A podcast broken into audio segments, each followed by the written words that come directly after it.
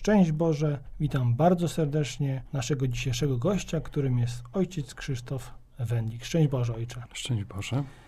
Ojciec Krzysztof Wendlik pełni funkcję przora klasztoru ojców Paulinów w Warszawie oraz jest kierownikiem warszawskiej pielgrzymki pieszej na Jasnej Górze. Ja nazywam się Kamil Sulej i miło mi Państwa bardzo serdecznie powitać z panią Anną Kaszubowską, z którą będziemy współprowadzić dzisiejszą audycję. Witamy bardzo serdecznie. Szczęść Boże. Boże raz jeszcze. Ojcze, tysiące Polaków każdego roku nieprzerwanie pielgrzymuje na Jasną Górę. Tegoroczna pielgrzymka poniekąd będzie wyjątkowa ze względu na czas wojny, który jest teraz na Ukrainie i te działania, których doświadczamy i nie jesteśmy w stanie o nich zapomnieć. Każdy z nas, moim zdaniem, potrzebuje matki. Pielgrzymy idąc za zachętą autora dzisiejszej publikacji, o której chcemy też wspomnieć, czyli Jana Dobraczyńskiego, rozpoczynają w pewien sposób osobistą pielgrzymkę do matki w konkretnych celach. Jeśli moglibyśmy tak, rozpoczynając naszą rozmowę, wspomnieć, dlaczego i w jakich intencjach Polacy pielgrzymują i kim jest nasza Matka Jasnogórska dla nas.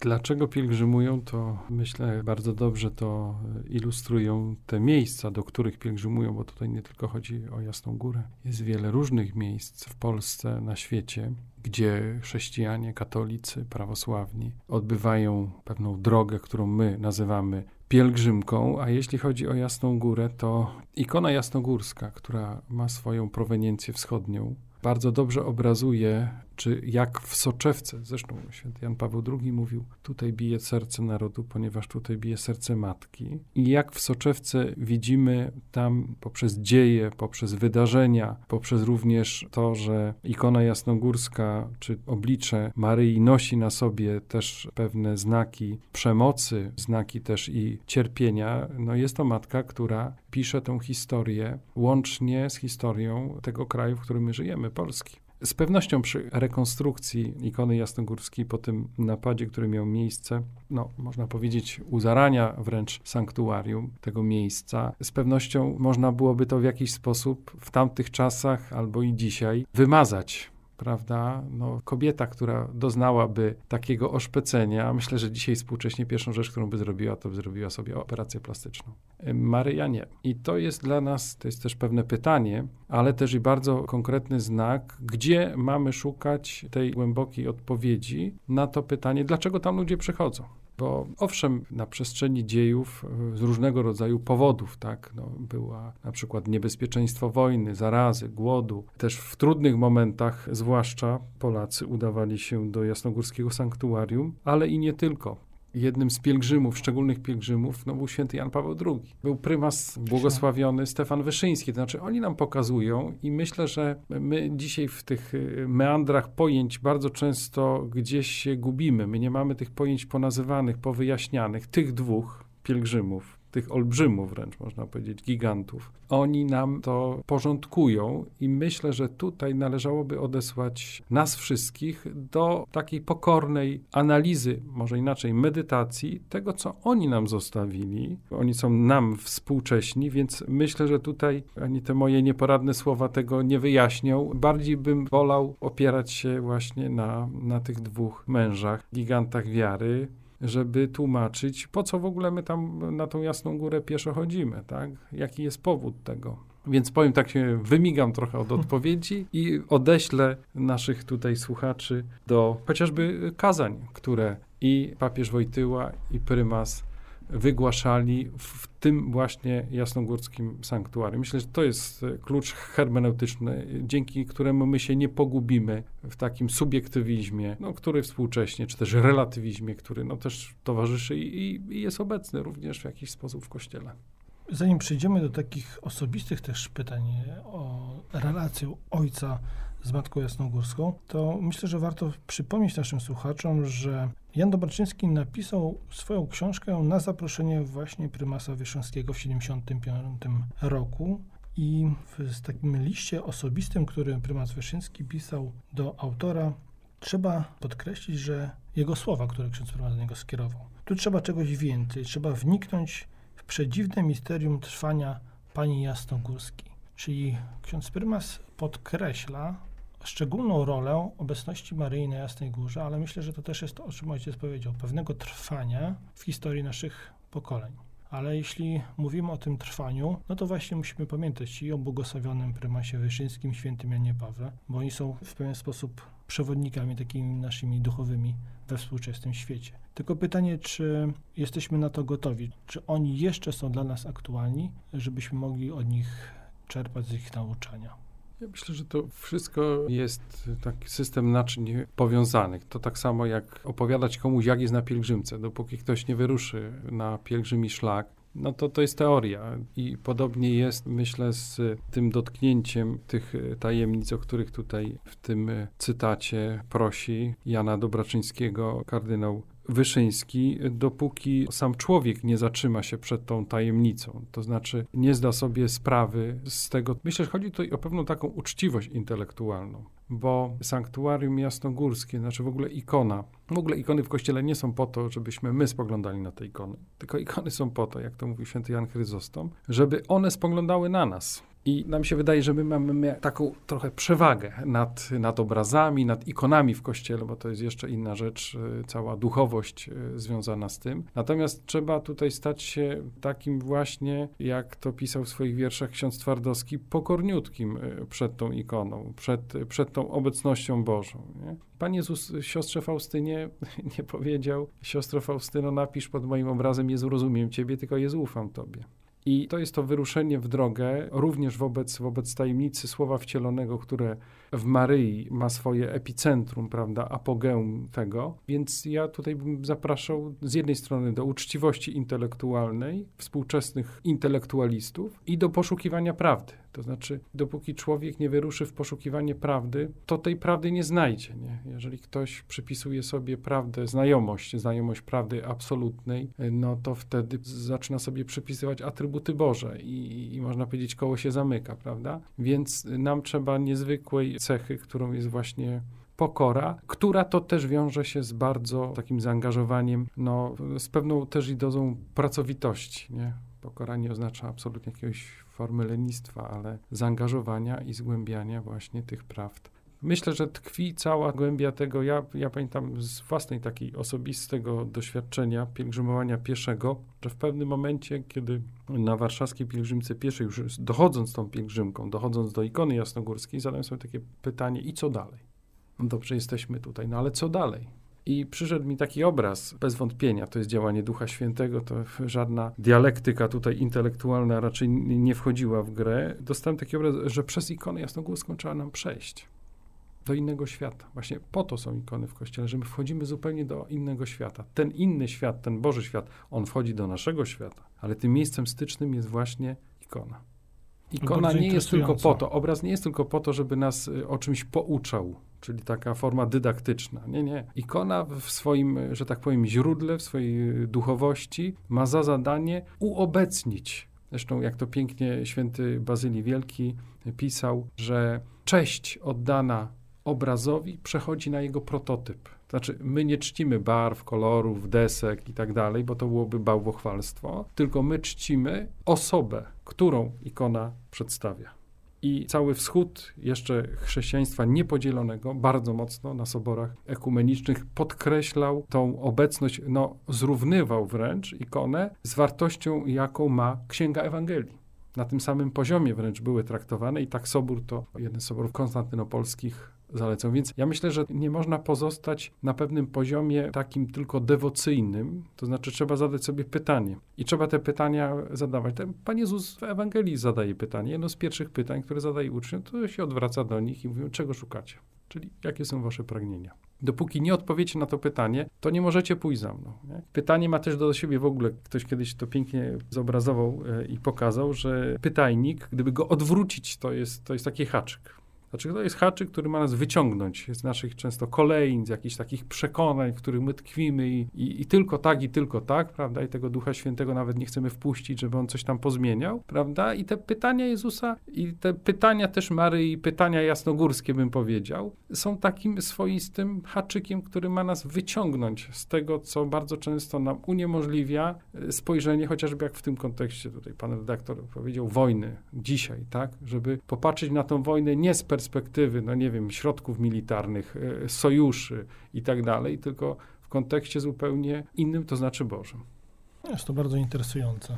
Perspektywa indywidualna, o której obecnie rozmawiamy, wydaje się spójna z intuicją samego pisarza, który, jak czytamy w książce, zaniechał jednego narracyjnego opisu, natomiast oddał pole i oddał głos kilkunastu postaciom, które poprzez swoje pióro poprosił o opowieści i te opowieści zamknął w zbiorze opowiadań Spotkania Jasnogórskie. W tym kontekście ta książka zaprasza nas do takiej refleksji, czym może być spotkanie jasnogórskie obecnie, dzisiaj, czy w takim kluczu zechciałby ojciec podzielić się doświadczeniem pielgrzymowania, a może było jedno spotkanie jasnogórskie szczególnie ważne dla ojca? To spotkanie to już było wcześniej, to znaczy jak moi rodzice nie mogli mieć przez jakiś czas w początkowej fazie małżeństwa dzieci i potomstwa, to mój tato, rok, nie wiem, 70, może 5, 6, udał się na Jasną Górę i tam dołączył się do pewnej grupy pielgrzymów zwiedzających sanktuarium. No i któryś z Paulinów tak wyciągnął go z tłumu, mówi, wiesz co, ty coś przeżywasz, coś z tobą tutaj jest, coś nie tak jest. No i tam ojciec opowiedział, o co chodzi, dlaczego przyjechał i tak dalej. No i ten Paulin na pożegnanie mówi, za rok przyjedziesz, będą dzieci. I rzeczywiście urodziła się moja siostra, potem ja się urodziłem to myślę, że to było takie przedspotkanie. I potem po wielu, wielu latach tych dróg przecież mogłem, no nie wiem, być w jakimś innym zakonie, mógłbym być na przykład księdzem diecezjalnym, pojechać na misję i tak dalej, i tak dalej, i tak dalej. I tak sobie to zaczynam może nie tyle składać, ale mówię, no Matka Boża o pewne rzeczy się też upomina. Ma swoje pewne takie drogi, więc od tego chyba spotkania by trzeba było zacząć, tak? Takie przedspotkanie, które w historię się moją wpisuje.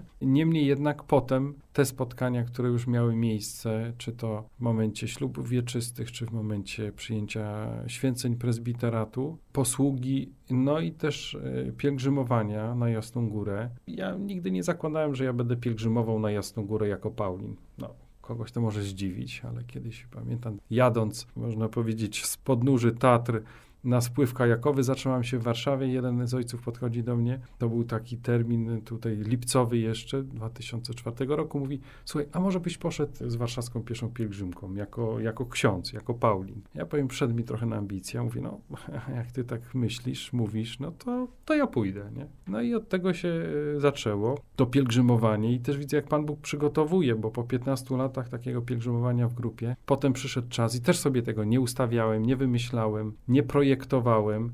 Tak się złożyło, że zostałem tu w Warszawie przorem klasztoru, a każdorazowy przor klasztoru w Warszawie, wiadomo, że organizuje pielgrzymkę warszawską od strony takiej, e, bym powiedział, no już całościowej. I dlatego te spotkania, ja, ja powiem szczerze, no one nie, nie tylko ograniczają się jakby do samego miejsca, do Jasnej Góry, ale też jest to spotkanie między ludźmi, które trwa przez cały rok i ci ludzie są właśnie bardzo mocno nasączeni tą e, tajemnicą pielgrzymki jasnogórskiej, co potem przedkłada się na ich zaangażowanie w kościele. Ja, ja powiem szczerze, przez 10 lat pobytu w Krakowie ostatnio, ostatnich lat, a teraz dwa lata w Warszawie, widzę jak też i pewne elementy, prawda, no, znaczy z, z Krakowa inaczej się patrzy na Jasną Górę, z Warszawy się inaczej patrzy na Jasną Górę. A jaka jest e, różnica, ojcze?